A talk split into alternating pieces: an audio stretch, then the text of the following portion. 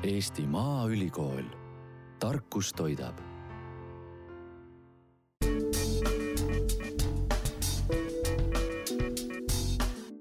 Head teadushuvilised, saade Innovaatika on taas lindistamas oma järgmist äh, põnevat vestlust ja seekord me lähme põllumajandusse lähme Eesti põllumehele külla ja räägime tegelikult äh, sellest, äh, millises situatsioonis tänavu kevadel nii-öelda põllumajandussektor, aga peaasjalikult Eesti põllumees ennast leiab, et me oleme tulnud läbi paariaastasest sellisest nii-öelda ühest kriisist, äh, tervishoiukriisist ja nüüd alates siis kahekümne neljandast veebruarist oleme globaalses mõttes ühes järgmises nii-öelda kriisis, mis tegelikult toiduvaldkonnas hakkab tõenäoliselt väga ka ennast nii-öelda näitama ja juba tõenäoliselt ka näitab. Ja mul on virtuaalselt ühendus Tartuga, kus on Eesti Maaülikooli mullateaduste professor Alar Rastover, kes ongi õige inimene, kellega natukene seda teemat rääkida. tere, Alar! tere päevast ehm, kõige lihtsam võib-olla küsimus, et milline see kevad kaks tuhat kakskümmend kaks ja ka võib-olla järgmine, järgnev aasta Eesti põllumajandusel ja Eesti põllumajanduses on, et ütleme, sõda ühelt poolt, eelmine kaks aastat kriisi teiselt poolt, alati võib rääkida nii-öelda keskkonnast ja loodusest, eks ju, et mis meil, mis meil nagu oodata on?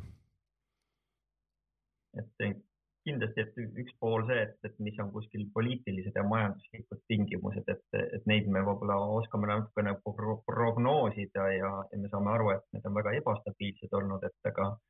aga tegelikult eriti, kui me põllumajanduse taimekasvatuse poolt vaatame, et, et siis pool või sageli veel rohkem tulemusest määrab ära ikkagi looduse ilm ise. Ja et, et seda ei julge mina ka ette prognoosida, et kui hea nagu selles osas see aasta tuleb, et aga et kindlasti nagu põllumees oma teadlikud tegutsemisega ja oma kogemuse pagasiga on valmis nendeks, alati ka nendeks riskideks, et, et kui ka on ebasoodsamad ilmastikutingimused, et, et siis ikkagi tuleb siis hakkama saada, et, et aga loomulikult äh, teatud turu ebastabiilsus, et ühelt poolt on sisendite hinnad äh, suuremaks läinud, aga teiselt poolt ka paljude suurte nagu nende toodangu kokkuostuhinnad, mida põllumajandustootjad müüvad, on kasvanud ja, ja tegelikult me saame tõenäoliselt äh, tagantjärgi hinnata, et äh, millised mõjud nagu siis suuremad ja väiksemad on. ehk et äh, mis ma sellest välja loen, on see, et tegelikult kõige suuremas riskis on võib-olla ikkagi inimene, kes lõpuks selle kauba peaks ostma, kuna ka tema jaoks tegelikult või noh, tema jaoks kasvavadki hinnad võib-olla lõplikult, need on küsimused, mida, mida teevad palgad, eks ju. ja kindlasti lõpuks ikkagi, et, et on see tootmissektor, et ikkagi need hinnad kantakse ikkagi lõpptarbijale edasi ja, ja loomulikult, äh, et äh, põllumajandus maailmast kuskil ära ei kao ja ammuilmagi Eestist mitte, et, et lühiajaliselt äh, teatud piirkondades või kohtades meil võivad need kriisid tulla ja et ja, ja samamoodi nende sõjaga kaasnevad kriisid, et ega kõik alles prognoosivad, et kui palju see nagu turule puudu jääv osa siis siis teraviljadest või päevalillest ja õlist nagu tegelikult siis tulemata jääb, et, et, et ega me seda täna ei oska nagu selgelt ette näha ja on nagu hetkel kindlasti need esimesed kuud olnud, et on sellist nagu paanilist käitumist kindlasti ka nagu turgude poolt olnud mõlemat pidi, et, et tõenäoliselt kui suurem osa ka Ukrainast eh, ikkagi suudab oma kevadkülve teha, et, eh, et siis see nii katastroofiline tõenäoliselt ei ole, et aga, aga loomulikult teatud väetiste, sisendite kättesaadavus ja hinnad lühiajaliselt eh, avaldavad ka meil nagu selget mõju ja, ja, ja ka meie põllumajanduses loomulikult osad nagu sektorid on selgelt nagu haavatavamad, kes on rohkem importsöötade peal toimetavad eh, teatud loomakasvatussektorid ja, ja, ja, ja taimekasvatusest tõesti, kellel nagu väetise tellimine väga hilja peale see aasta jäi, et no võib nagu selgelt nagu raskustes olla. ehk et eh, tegelikkuses me täna, ma saan aru, selle kevade ega ka selle suve ega ka kogu aasta kohta veel niisugust mingit väga niisuguseid süsteemseid või, või, või põhimõttelisi niisuguseid vastuseid äh, ei oska anda, eks ju. kuna väga segane on, kõik muutub tegelikult päevadega. ja kindlasti, et, et mis see nagu päeva või aasta kokkuvõttes tuleb ja põllumajandusel tervikul on nagu raske öelda, et, et aga kui selgelt nagu hinnata ja isegi ka paar nädalat tagasi me tudengitega tegime koos arvutusi ja analüüsi sellest, et, et kas väetamine tasub ära selliste hindade juures, nagu täna on, siis ütleme, et, et need tasuvuse proportsioonid ei ole märkimisväärselt erinevad, kui nad olid aasta või poolteist tagasi. et ühelt poolt küll väetise hind on kõrgemaks läinud, et aga samas nii rapsi kui teraviljade kokkuostuhinnad on ka kasvanud ja, ja need sellised suhtelised näitajad ei ole nagu ähm, revolutsiooniliselt tegelikult muutunud. Et, et ka tänases turuolukorras, hoolimata sellest, et kui äh, väetis maksab kaks-kolm korda rohkem ja eeldada, et need kokkuostuhinnad on samal heal tasemel, nagu nad täna on, siis kui selle sügise saaki saab realiseerida, et siis tasuks see investeering teha. Ähm, loomulikult äh, on küsimus selles, et hind äh, on kõrge, aga kas on ka need väetised üldse kättesaadavad, et, äh, et kui kättesaadavust ei ole, et siis selline paberarvutus ei pruugi reaalse põllumehe eriti lohutust pakkuda. siin on veel üks huvitav niisugune dissonants mm, väetised on kättesaamatud või raskelt kättesaadav, sellepärast et neid toodetakse enamasti Valgevenemaal ja Venemaal, eks ju, mis on sanktsioonide all ja me sealt äh, nii-öelda kätte ei saa neid äh, vak-, äh, siis ähm, väetiseid ja, või siis mujalt ostes on nad lihtsalt väga palju kallimad, eks ju. Nüüd, kas ma saan numbritest õigesti aru, et umbes kolmkümmend viis protsenti ikkagi teraviljakasvatusest on nii-öelda siis Venemaa kontrolli all või otseselt toimuks Ukrainas Mm, mis tähendab seda, et see on hetkel nii-öelda meie jaoks noh, ma ei tea, mitte ära lõigatud, aga ütleme, on problemaatiline. et kas see, tegelikult see probleem on ju selles, et äh, täna tehtud nii-öelda investeering näiteks äh, väetisse äh, võib osutuda ülimalt nii-öelda kõrgeks tänu sellele, et näiteks me ei tea, mismoodi see sõda edasi läheb. et täna on, on ju tegelikult juba olukorras, kus Ukraina põllumees saab nii-öelda põllul toimetada, noh, nii, niivõrd-kuivõrd ja, ja võib juhtuda, et tegelikult ikkagi sügiseks on tal noh, nii-öelda saak käes ja selle hind võrreldes siis nii-öelda Eestis kasvatatuga on ikkagi, ma ei kujuta ette, kordades ju erinev mm. -hmm. ja täpselt täiesti nõus selle mõttekäiguga, et, et tänases turusituatsioonis tasuks investeering justkui teha, aga, aga jah, et, et see kulutuse pead täna tegema. Aga see, et kui sa tulu saad teenima hakata, et, et see on tõenäoliselt eh, poole aasta pärast ja, ja sellel ajal, milline see kokkuhoiuste hindade tase on, et on, ei suuda mina ka kindlasti garantii anda, et, et see nii hea enam on, ta võib olla, aga ta ei pruugi seda olla et ähm, aga selgelt jah, et äh, kui ka need pikaajalised nagu ülevaated, mis äh, ÜRO Toidu- ja Põllumajandusorganisatsioon teeb, et, et, sellised toidu hinnaindeksi tasemed globaalselt äh, sellise ähm, ajaloo jooksul, kui neid mõõtmisi on tehtud kuskil kuuekümnendates, seitsmekümnendates, nad ei ole kunagi nii kõrged hetkel olnud. Ja, ja et üks on tõesti see põllumajandustootja ähm, vaade, aga, aga see tavaline inimene, kes nagu seda toitu tarbima peab, et äh, tema on paljudes kohtades nagu selgelt nagu raskuste ees ja eriti nendes ühiskondades, kus toidukorv nõndanimetatud kogu pere-eelarves on noh, suure osakaaluga mm -hmm. ja, ja ka kui siin Euroopa sees vaatame, et, et ega meil on ka see üsna nagu erinev, et et, et noh, tõenäoliselt iga peres on see natukene see number teistmoodi, et aga ikkagi ka kolmkümmend, nelikümmend protsenti võib meil nagu keskmiselt leibkondade eelarvest äh, toidule kuluda siis, kui me läheme kuskile ühesõnaga äh, Lääne-Euroopa heaoluühiskonda, kui seal on see kümme protsenti, ja, ja siis, kui see hi, hinnakasv ja ralli sinna otsa tuleb, siis selgelt see, et äh, ka valdav osa Eesti ühiskonda inimesi on kolm-neli korda sellest rohkem mõjutatud, kui on mõni lääne-eurooplane. et sellist äh,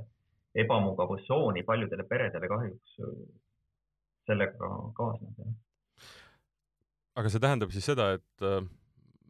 hetkel tehakse nii-öelda äh, farmides väga nii-öelda raskeid otsuseid. sest no, iseenesest ju noh, ütleme. kindlasti ühelt poolt on sellised lühiajalised otsused, äh, mis tõesti peab nagu tootja tegema, et, et kas ma saan väetist panna ja, ja, ja kui palju ma saan panna ja, ja aga võib-olla veel ajakriitilisemad otsused on äh, mõningates loomakasvatussektorites, kes äh, tuginesid siis ostusöötadel, et jõusöödad, kui nad tulidki Venemaalt ja Ukrainast ja et, äh, et taime ja põllu ja mullaga on selline, et kui sa natukene nagu võlgu jääd, siis ta tegelikult noh, andestab, aga kui sa lehmale õhtul süüa ei anna, siis sa näed kohe hommikul, et tuleb kaks korda vähem piima või veel rohkem vähem mm. -hmm. aga kui me nüüd teatud väetistega ka oleme sunnitud nagu vähem kasutama või me teadlikult selle otsuse teeme, et kuskil midagi vähem kasutame, et siis saagil langus ja kaotus ei ole kindlasti nii järsk ja äkiline. ehk ähm, kõige tundlikum tõenäoliselt on, et, et kui me nagu lämmastikväetist äh, ei suuda nagu õigel ajal õiges koguses anda, et, et siis, äh, et võib ka meil saagikadu kaks kuni kolm korda isegi olla, et kui me üldse nagu lisa ei saa anda, et ega paljude teiste oluliste nagu elementidega, fosforid, kaaliumid ja, ja need mikroelemendid, riburada, tegelikult see mõjukus selline nagu Äh, saagikusel ei ole kordades, me räägime tõenäoliselt äh,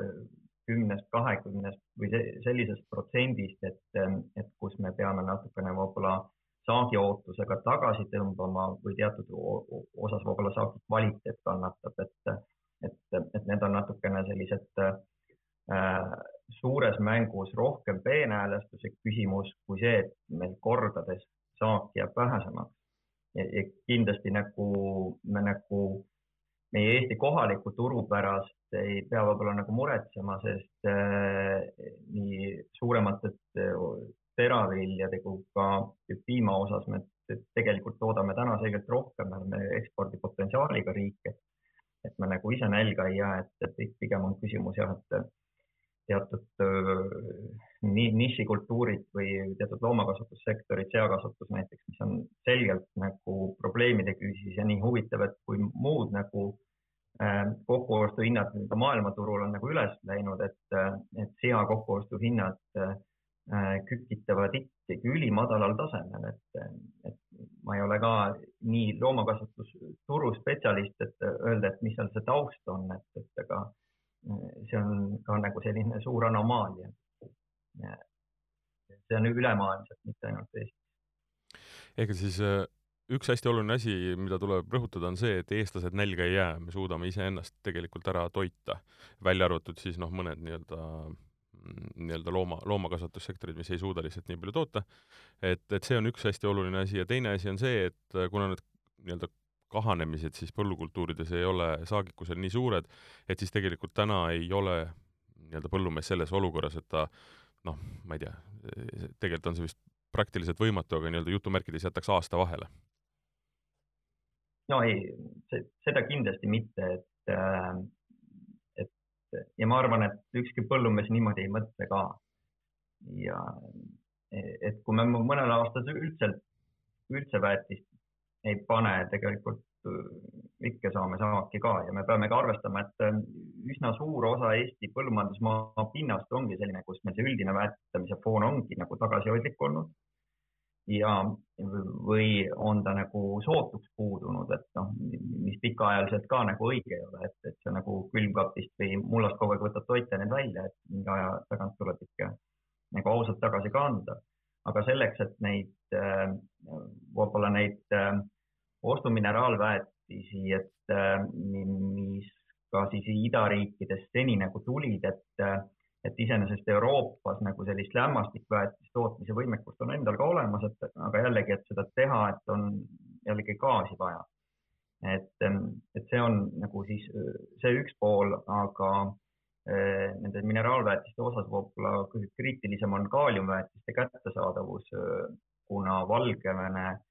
eh, ja, ja osaliselt ka Venemaa on tegelikult suurimad Äh, selle tooraine nagu kaevandajad ja, ja, ja see on pigem selline kõige ähm, suurem koht, mis võib ka nagu aastateks nagu väga selge mõju anda, et lämmastikväetist, kui energiat on, saab lõpmatult toota, et küsimus on jah, tegelikult selles hinnas ja et ja loomulikult ka üleilmselt on juba pikalt olnud ja Eestis ka siis, et kui nagu mineraalväetiste kättesaadavus või hinnad lähevad kõrgeks, siis hakkavad kõik nagu huvi tundma, et, et need alternatiivsed väetised, et erinevad orgaanilised väetised, eh, loomakasutuse nagu kontsentratsioon on Eestis üsna nagu väike, seetõttu sõnnikuressurssi nagu kõigile ei jätku. et iseenesest, kellel see on endal olemas, et kui ta nüüd võtab eesmärgiks, et ta natukene ühtlasemalt omadele maadele seda jaotab ja, ja, ja, ja tänases turusituatsioonis tasub ka neid vedelsõnnikuid tõenäoliselt juba kaugemale transportida kui ainult laudaäärsetesse mm, põldudele. Ja et, et see on nendele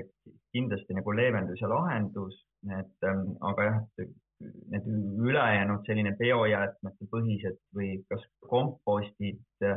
või reovesetted ja nii edasi, et, et noh, nende kättesaadavus ka, et ega me suurt pilti ei lahenda, et me saame jällegi mõned tuhat hektarit kuskile kellelegi abiks olla ja, ja, ja nendel alternatiivsetel väetistel on ka omad sellised alati seadusandlikud ja, ja, ja sellised nüansid juures, et kuhu sa, mis tohid kasutada ja et äh, jah, et need ühelt poolt kindlasti lühiajaliselt meil taimekasvatuse ja taime mõttes ja mulla mõttes traagikat eh, ei teki, et aga pikas perspektiivis jah, et, et me peame nagu laiemalt mõtlema, et kuidas neid toitainetallikaid natuke valikuvõimalusi laiendada. Kas äh, lisaks konkreetselt väetistele on äh, ja vist sai ka mainitud gaas, eks ju, noh, nii-öelda energia, on veel mingid sisendhinnad, mis selgelt nii-öelda sõda on põllumehe jaoks ebamugavaks teinud, kättesaamatuks muutnud või siis lihtsalt kalliks ajanud? tõenäoliselt ega kõigist sisenditest mul ka väga head ülevaadet ei ole, et, et aga kindlasti, et tänapäevane põllumajandus on väga tehnoloogiakeskne. et äh, samamoodi kõik kindlasti kuulevad, et, et ei saa uut autot nii kiiresti kätte, kui tahad, et kindlasti sama asi on ka kõikide nende masinatega. et tõenäoliselt kuni lüpsirobotitest kuni kombainideni ja välja, et, et, et üha rohkem seda põllumajandust nagu automatiseerida ja, ja tööjõupuudusest vähem sõltuv olla, noh, nõuab tehnoloogiat, et, et, et tõenäoliselt see võib ka lühiajaliselt natukene nagu olla, et kättesaadavus piiratud ja kindlasti hinnad ka paratamatult ähm, nagu kasvavad. See muidugi puudutab neid, kes nii-öelda seda investeeringut on plaaninud just nüüd teha, et eeldame seda, et enamustel on ikkagi vahendid olemas, et noh, midagi põllule ei jää ega midagi töötlemata ei jää, lihtsalt küsimus on nii-öelda kas uuendamises või suurend-, mahu suurendamises, nii edasi, nii edasi, eks, et et see on probleem kindlasti, aga mitte nii akuutne. Jah aga lisaks sõjale, mis on nüüd üsna uus asi ja selle mõjusid me siin saame veel äh, näiteks paari aasta pärast uuesti arutada, äh, siis oleme me tulemas välja, no me ei ole küll väljunud, aga oleme olnud kaks aastat ühes veel väga põnevas situatsioonis, mis on olnud rusuv, raske ja väga traagiline. et kuidas äh, koroona nii-öelda Eesti põllumajandust ja eriti põllumeest mõjutas? ja mis olid võib-olla need suuremad sellised murekohad? no tõenäoliselt mingi lühiajaliselt olid ka kindlasti sellised, kus olid ülemaailmsed logistikaprobleemid, kindlasti avaldasid äh, mõju ka teatud põllumajandussektoritele ja, ja, ja ülejäänud sellised, äh, kus meil olid võib-olla kitsamates nišides ja sektorites põllumajanduses olid tööjõuga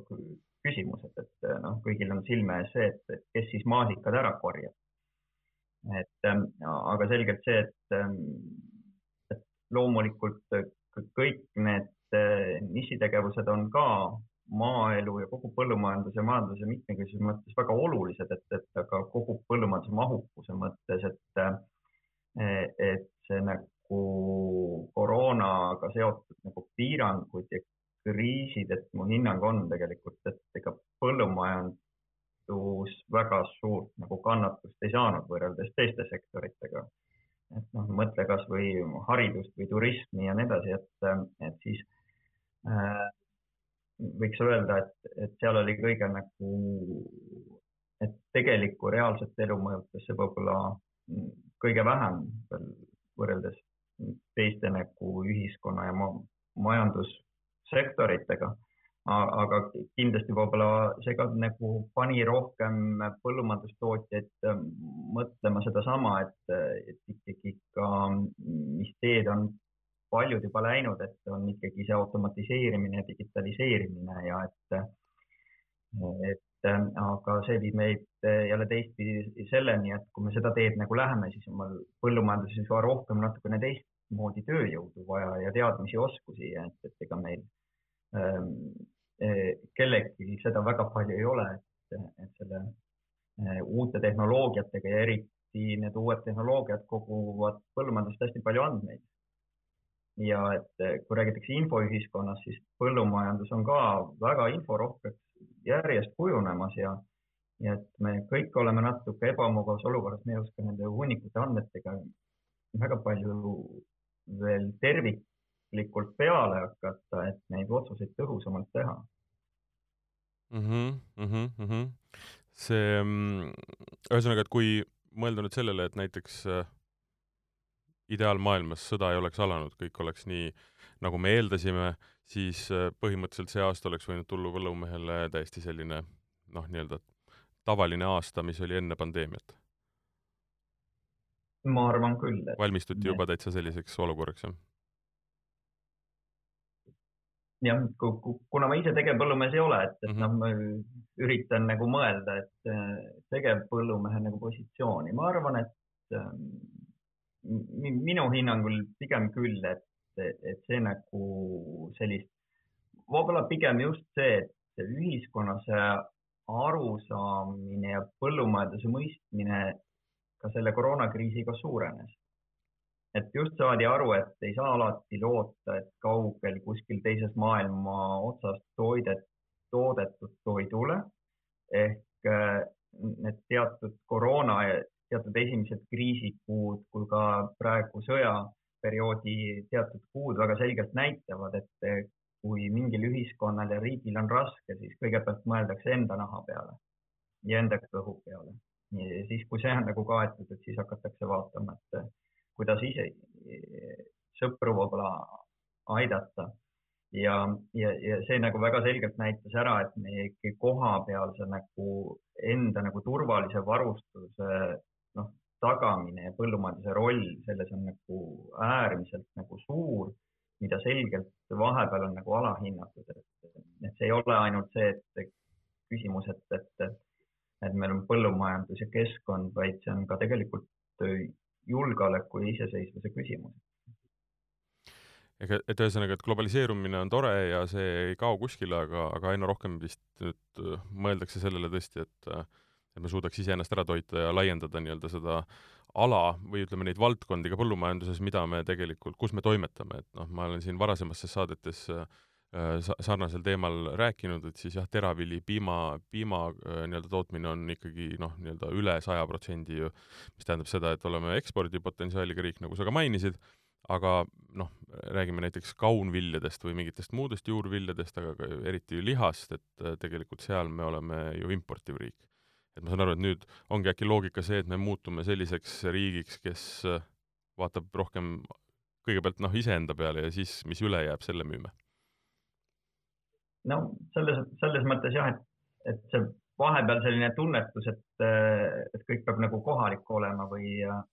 et tõesti võib-olla mingitel hetkedel tekib, et aga, aga hoolimata nendest kriisidest me näeme, et lühiajaliselt on globaalsete turgude toimimine ja logistika küll pärsitud, aga kuidagi ta kohaneb suhteliselt kiiresti. poole aasta pärast jällegi kõik liigub üle maailma ja et, et see, et on ka vist selline mõiste kasutusel, et mitte globaliseerumine, vaid lokaliseerumine, et on siis globaalsed arengud jäävad ja on ja ka see lokaalsuse tähtsus ühelt poolt ka nagu on ja, ja, ja, ja hetkel tundub, et ikkagi ükskõik, mida juhtub, et, et ega see maailm päris ikkagi lukku ei lähe. et selline teatud toodete nagu globaalne liikumine, mida meie ekspordime, mida me sisse toome, jääb selgelt nagu alles. et aga, ja kui me nagu eesmärgiks võtame, et noh, kaunviljadega me suudame väga hästi tegelikult ka ära varustada, okei okay,, soojauba me ei saa kasvatada sellises mahus nagu tõenäoliselt vaja, et aga noh, ongi küsimus, et see on nagu laiem nagu ühiskonna nagu harjumuste ja dieedi küsimus, et, et, et kas me peame oma energiatarvet emotsiooni soojahooaga katma või kohaliku kaunviljaga ja, ja, ja kas peab papaiat sööma või mitte. et aga noh, need on, kui inimestele eksootika meeldib, et, et, et, et ja, ja niikaudu see turg nõuab, siis see ka niimoodi toimib. et selgelt see, et me ei saa avatud ühiskonnas võtta seda eesmärgiks, et äh, me kõik täpselt kilogrammi pealt ise ära toodame, et selgelt meil ka edaspidi jäävad selgelt ekspordisuunad ja artiklid ja mingeid asju me toome nagu selgelt rohkem, et aga selgelt me peame nagu aru saama, et Eesti nagu rikkus ja väärtus on selles, et et meil seda loodusressurssi, maad ja mulda on meie enda elaniku kohta ikkagi väga palju. et me oleme Balti riikidega ühed sellised, kes on maailmas nagu esikohad, et palju meil on põllumajandusmaa nagu ressurssi ühe inimese kohta. ja et, et, et see tähendab, et kui me mõistlikult seda nagu kasutame, et siis ähm, enda toitmisega ei tohiks mingit probleemi olla, siis nagu tegelikult ongi moraalne kohustus ka sinna, kus äh, ei saada ise nii hästi hakkama, et äh, ongi pakkuda, et ka globaalset toidupuudust nagu leevendada. ma siin mõned saated tagasi tegelikult äh, oli teemaks selline äh, nii-öelda suundumus või, või, või probleemistik, mis oli siis nii-öelda põllumajandusmaa väga väheste tegijate kätte koondumine. ja iseenesest äh, noh, võib-olla see teema liiga lai, ärme sinna lähe, aga, aga selle võib-olla uba oligi selles, et et kuna koondub äh, enamus maad väga väheste nii-öelda farmerite või tegijate kätte, siis ne-, nende huvi on seda maad kasutada võimalikult siis nii-öelda suurelt ja laialt mm, kõige kasumlikuma siis vilja või, või nii-öelda anni kasvatamiseks, eks ju, mis ei ole probleem iseenesest, aga äh, jätab nii-öelda vaesa, vaeslapse ossa tõesti need nii-öelda võib-olla eksootilisemad, mitte siis nii-öelda nagu eksootilisemad kui äh, noh, viljad, mida kasvatatakse kuskil teisel pool maakera, aga samas nii-öelda viljad, mille nõudlus võib-olla ei ole nii suur. Ehk et äh, erinevad kaunviljad, erinevad nii edasi, nii edasi asjad, mida saaks kasvatada siis nii-öelda ükskõik hektari seitsme-kümne peal äh,, mingisuguses väiksemas nii-öelda siis äh, äh ettevõttes või kas või pere, kes läheb tagasi nii-öelda maale. et iseenesest see, see, see aina, aina enam mulle tundub, et see on ka muutumas oluliseks, et äh, mitte me lihtsalt äh, nii-öelda selle olemasoleva süsteemi ja struktuuri sees ei laienda neid äh, nagu to-, toiduaineid, mida me kasvatame, vaid et tegelikult me annamegi võimaluse erinevatele inimestele erinevalt mõelda, erinevaid asju kasvatada. jaa, kindlasti, et, et äh, ma olen ka seda näidet toonud, et muidu öeldakse, et looduses on mitmekesisus väga oluline ja nii edasi. ja tegelikult see mitmekesisus kohalikul või teatud regiooni ja riigi osas peab ka majanduses ja põllumajanduses ja maakasutuses olema. et kui mõelda nagu puhtalt maailma turuloogikat ja, ja siis võib-olla see, et mis on meie piirkonna looduslikud eelised, siis ma võiks öelda, et loosungina, et Eestis võiks ainult piimakarja pidada ja ainult piima toota, et ja mitte midagi muud ei olekski vaja teha, et, et aga, aga selgelt see, et, et see nagu meie piirkonna nagu enda vajadusi ja nii füsioloogilisi, majanduslikke kui emotsionaalseid selgelt ei kata. ja, aga loomulikult, et kui nagu äh, maa omand on kellelgi kuskil kaugel investeerimisfondi oma, siis tema võibki selline võib-olla loosungliku mõttega kaasa minna ja tal nagu emotsionaalset sidet sellega ei ole, et, et, et noh, et selgelt, et sellega tuleb nagu hoolas loomulikult olla mm. -hmm. Need ähm, kriisid, mis järjest on äh, meid siin äh, nii-öelda tabanud, on äh, mm, noh, kindlasti teinud meid nagu targemaks ja tugevamaks ja, ja võib-olla osatakse, ma ei tea, siis tehakse võib-olla paremaid nagu planeeringuid, äh, mis, mis see suvi ja, ja, ja nii-öelda nagu äh, siis nii-öelda korjeaeg sügisel äh, võiks kaasa tuua, aga kui võib-olla pikemalt tulevikku vaadata,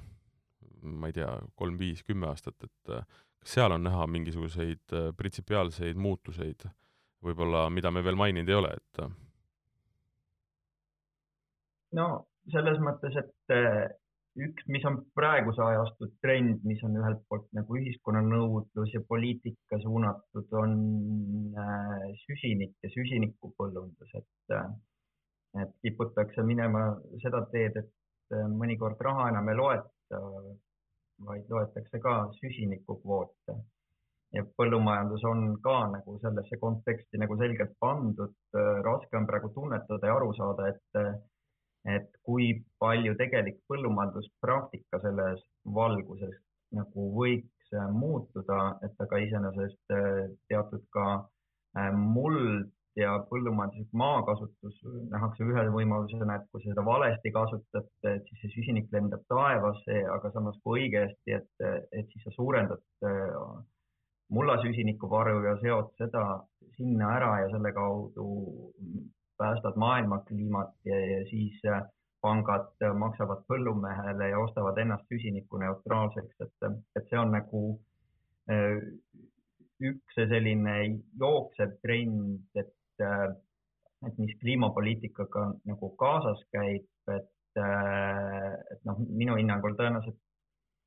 võib-olla kümme aastat, võib-olla veel noh, selline sport selle süsiniku ümber käib ka, et, et aga me peame aru saama, et, et tänapäeva ühiskond kipubki nagu üksiku mingi detaili looduse tervikust nagu välja võtma, et seesama süsinik on tegelikult looduse ainult üks element. Et äh, me kipume väga üheülbaliselt äh, arvestuse ainult sellepõhiseks viima ja ütlema, et kas siis põllumajandus või mingi tegevus on nagu siis jätkusuutlik äh, või mitte, et me ei tohi ülejäänud neid väärtusi ümber ära unustada, et, et samamoodi on seda saaki vaja, saagi kvaliteeti äh, ja kohalikul tasandil ikkagi ka seda äh, maaelu turvalisust, toiduga varustatust, kõike nagu ähm, hoida. Ja aga no tervikuna, kui nüüd vaadata tagasi ka, et kui me mõtleme, et ka, et sellist Eesti peale taasiseseisvumist oli põllumajandus ikkagi suur kriisiaeg ja kõik need produktiivsused langesid ja ehk ähm, kui oleks keegi palunud näiteks viisteist aastat tagasi ennustada, et kus me nagu põllumajanduse tootlikkusega oleme, ähm, siis võib-olla nii head pilti keegi ei oleks julgenud pakkuda. et selles mõttes me oleme nagu tubli, väga tubli sammu teinud ja noh, teatud piimakarjakasvatuses me oleme juba lausa Euroopa esimesed, et et noh, selgelt me peame ka tunnetama, aga selgelt nagu poliitikakujundajad ka üritavad seda raami anda, et, et see efektiivsuse, produktiivsus ei tuleks ühekülgselt nagu keskkonna arvelt. et ja, ja, ja selles osas ka, et et seda nagu ausamalt nagu arvestada ongi, et ühelt poolt igasugune süsiniku arvestamise tööriistasid arendatakse ja teiselt poolt, millega me oleme ise ka tegelenud, on siis see, et aidata põllumeestel sedasama, et väetisisendit optimeerida, et, et ka lämmastiku, fosfori ja kaaliumi bilanssi arvestada. Ja ka välja töötanud selliseid tööriistasid, mis loodetavasti õige pea saavad sellised, et, et keegi ei pea käsitsi Excelis arvutusi tegema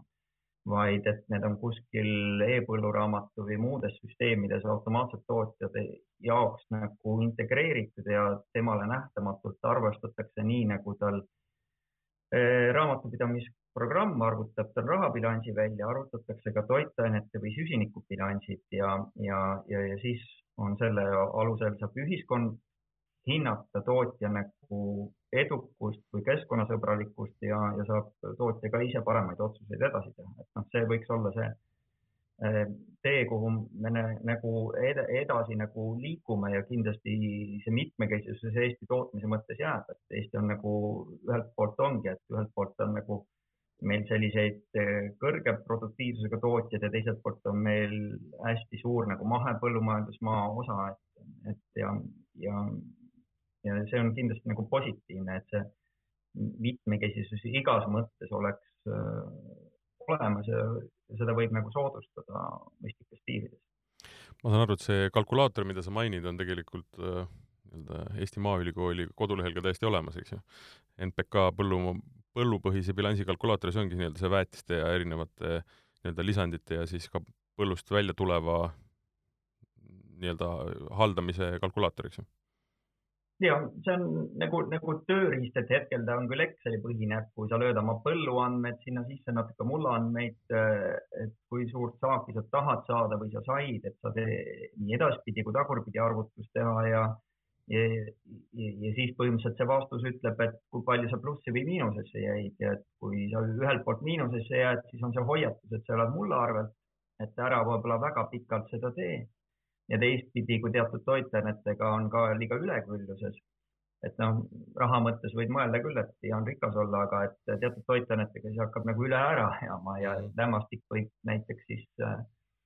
liiga palju kas õhku või vette minna ja, ja, ja siis äh, saab seda kasutada nii raha lugemise mõttes kui ka keskkonnahoiu mõttes, et äh, ja, ja, ja nii, et kui täna tõenäoliselt on mingite asjade arvutamine ja arvepidamine Maksuametile kohustuslik raha mõttes,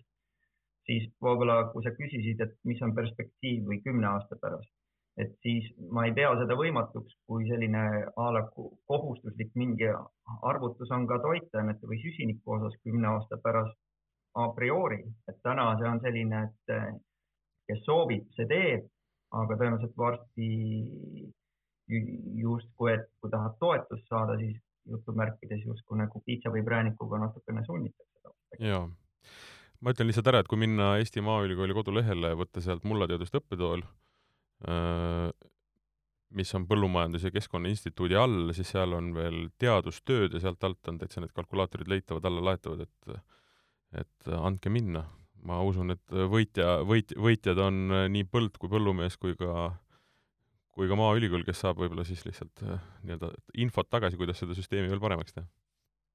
ja ju, ju, julgelt, et kui keegi nagu proovib kasutada ja näeb, et äh, kas midagi on hästi või midagi võiks veel paremini olla, et äh, siis andke julgelt tagasisidet, et me kindlasti oleme ka nagu veel ikkagi ka testimise faasis, et seda paremaks arendada ja ja, ja ka liikumas selleks, et, et see tõesti saaks siis kas äh, Eh, riigi või era e-põlluraamatute nagu selline süsteemseks osaks, et, et, et tänapäeval kui keegi ütleb Exceli tabel, siis kõigil tõusevad karvad püsti, et see mhm. kindlasti tulevikus niimoodi ei peaks olema. Me puudutasime nüüd selle peaaegu neljakümne minuti jooksul nii-öelda sõja, sõda ja sõja mõju põllumajandusele Eestis ja ka koroona nii-öelda mõju, samuti seda, kuidas erinevad sisendhinnad on äh, nii-öelda võib-olla mõjutamas meid ähm, me jätsime võib-olla teadlikult kõige viimaseks äh, nii-öelda selle loodusaspekti, sellepärast et äh, selleks oleks vaja umbes nelja või seitset erinevat saadet, et need teemad kõik nagu läbi rääkida. aga kriis saab mööda selles mõttes, et koroona oleme juba, ma loodan, nii-öelda lõpusirgel, ükskord saab ka sõda läbi, kõik läheb loo-, loodame siis nii-öelda mis iganes vormis loogilisse ja oma normaalsesse ratta tagasi, et aga, aga loodus on selline asi, mis on siin taustal kogu aeg olemas. et noh, on ju räägitud sellest äh, võib-olla noh, naljatamisi, aga samas natukene ka võib-olla tõsisema noodiga, et varsti võiks Eestis hakata viinamarju kasvatama, neid juba kasvatatakse. Et, äh, et kuidas meil selle looduse poolega on, kui kiirelt mõelda, et äh, mm, üks asi on nii-öelda põllumaja, põllumajanduse enda mõju sellele, aga ütleme, teiselt poolt on siis looduse muutumine tänu sellele, et on globaalsed muutused. et kui kiirelt vaadata, mis, mis selles aspektis võib-olla meil nii-öelda meil oodata on? et saame hakata arbuusia varsti kasvatama või jääme ikkagi rõõmsalt enda, enda nii-öelda si-, siin nii-öelda eluaeg kasvatatud toiduainete juurde? no ma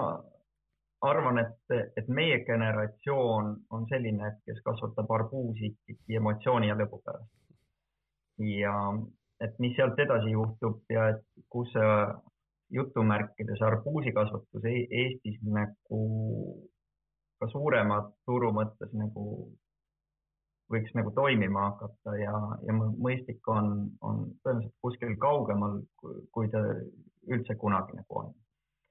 ja, ja kindlasti, et Eesti põllumajandustootjad, ma arvan, ongi väga suure kohanemisvõimega juba olnud. ehk ehk ka näiteks see muutus taimekasvatuses, et eh, kui me kakskümmend aastat tagasi olime väga suvi teraviljade kasvatamise usku ja praktikat, et siis nüüd on varsti juba raske leida põllumajandustootjat, kes suviteravilja kasvatab ja ja, ja seesama, et, et nagu vastu astuda paremini või kohaneda see, et meil mingid perioodid kevadeti on võib-olla kuivemaks läinud ja et niiskuse puudus. Ehk äh, nii kummaline nagu, kui see ei tundu jah, et äh, meil on kogu aeg Tammsaares silme ees, meil on kogu aeg märg ja,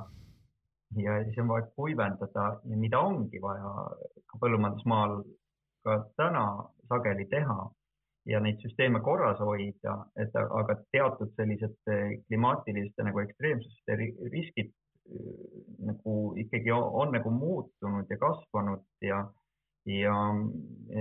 ja noh, näiteks tõesti, et see taliviljade osakaalu nagu suurendamine, et kevadist veevaru paremini ära kasutada ja, ja, ja potentsiaalist nagu rohkem kätte võtta, ongi nagu praktikas toimunud, ilma et keegi oleks otse nagu käskinud või ütelnud, vaid et see on kuidagi ikkagi sellise loogilise arenguna nagu toimunud. et et Eesti põllumehed on väga nagu kohanemis- ja õppimisvõimelised olnud ja, ja ma arvan, et kindlasti on ka seda edaspidi. see on äh, suurepärane uudis või suurepärane tõdemus, äh, kuna noh, rasked ajad on äh, minu arust ma, ma ei mäleta aega, kus ei oleks olnud mingisugust jama, millele tuli nii-öelda reageerida ja millega tuli tegeleda. lihtsalt nüüd on võib-olla mõned asjad meile väga-väga kodulähedale tulnud ja, ja on siinsamas ja, ja tänu sellele me võtame neid võib-olla tõsisemalt. aga seda on hea kuulda, et äh, põllumajanduses on noh, nii-öelda ikkagi kõik hästi, midagi seisma ei jää, küsimus on lihtsalt jah, et äh, võib-olla vähesed hinnatõusud on ees, äh, mõned nii-öelda mahud võib-olla kahanevad, aga, aga üldiselt noh, ma ei oska öelda paremat nii-öelda, ma ei tea, fraasikasutust, aga karavan läheb edasi, eks ju. no kindlasti jah, et eh, põllumajanduse sees on kindlasti väiksemaid sektoreid, kus ongi raske ka täna ja et aga põllumajandus kindlasti ei kao ja põllumajandus on ja jääb ja kohanemisvõime on kindlasti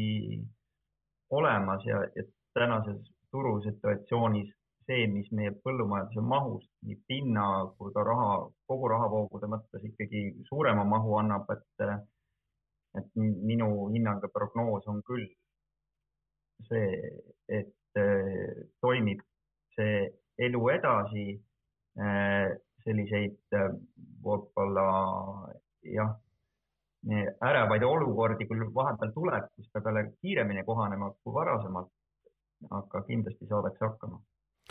eestlastena me oleme alati hakkama saanud, heal või halval ajal ja siin või seal, ja ma usun, et ei ole ka need praegused aastad äh, nii-öelda erandid, et küll me hakkama saame ähm,. aitäh, Alar! Äh, saade, mida te kuulasite, oli Innovaatika, mina olin saatejuht Martin Hanson, mul oli virtuaalselt äh, külas Eesti Maaülikooli mullateaduste professor Alar Astover ja me rääkisime sellest, mis seis on äh,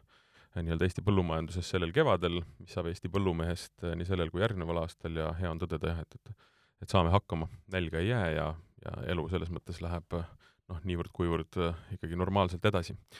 järgmine Innovaatika on järgmisel põneval teaduse ja, ja ütleme siis looduse teemadel. Nautige suve tulekut ja, ja kõike head!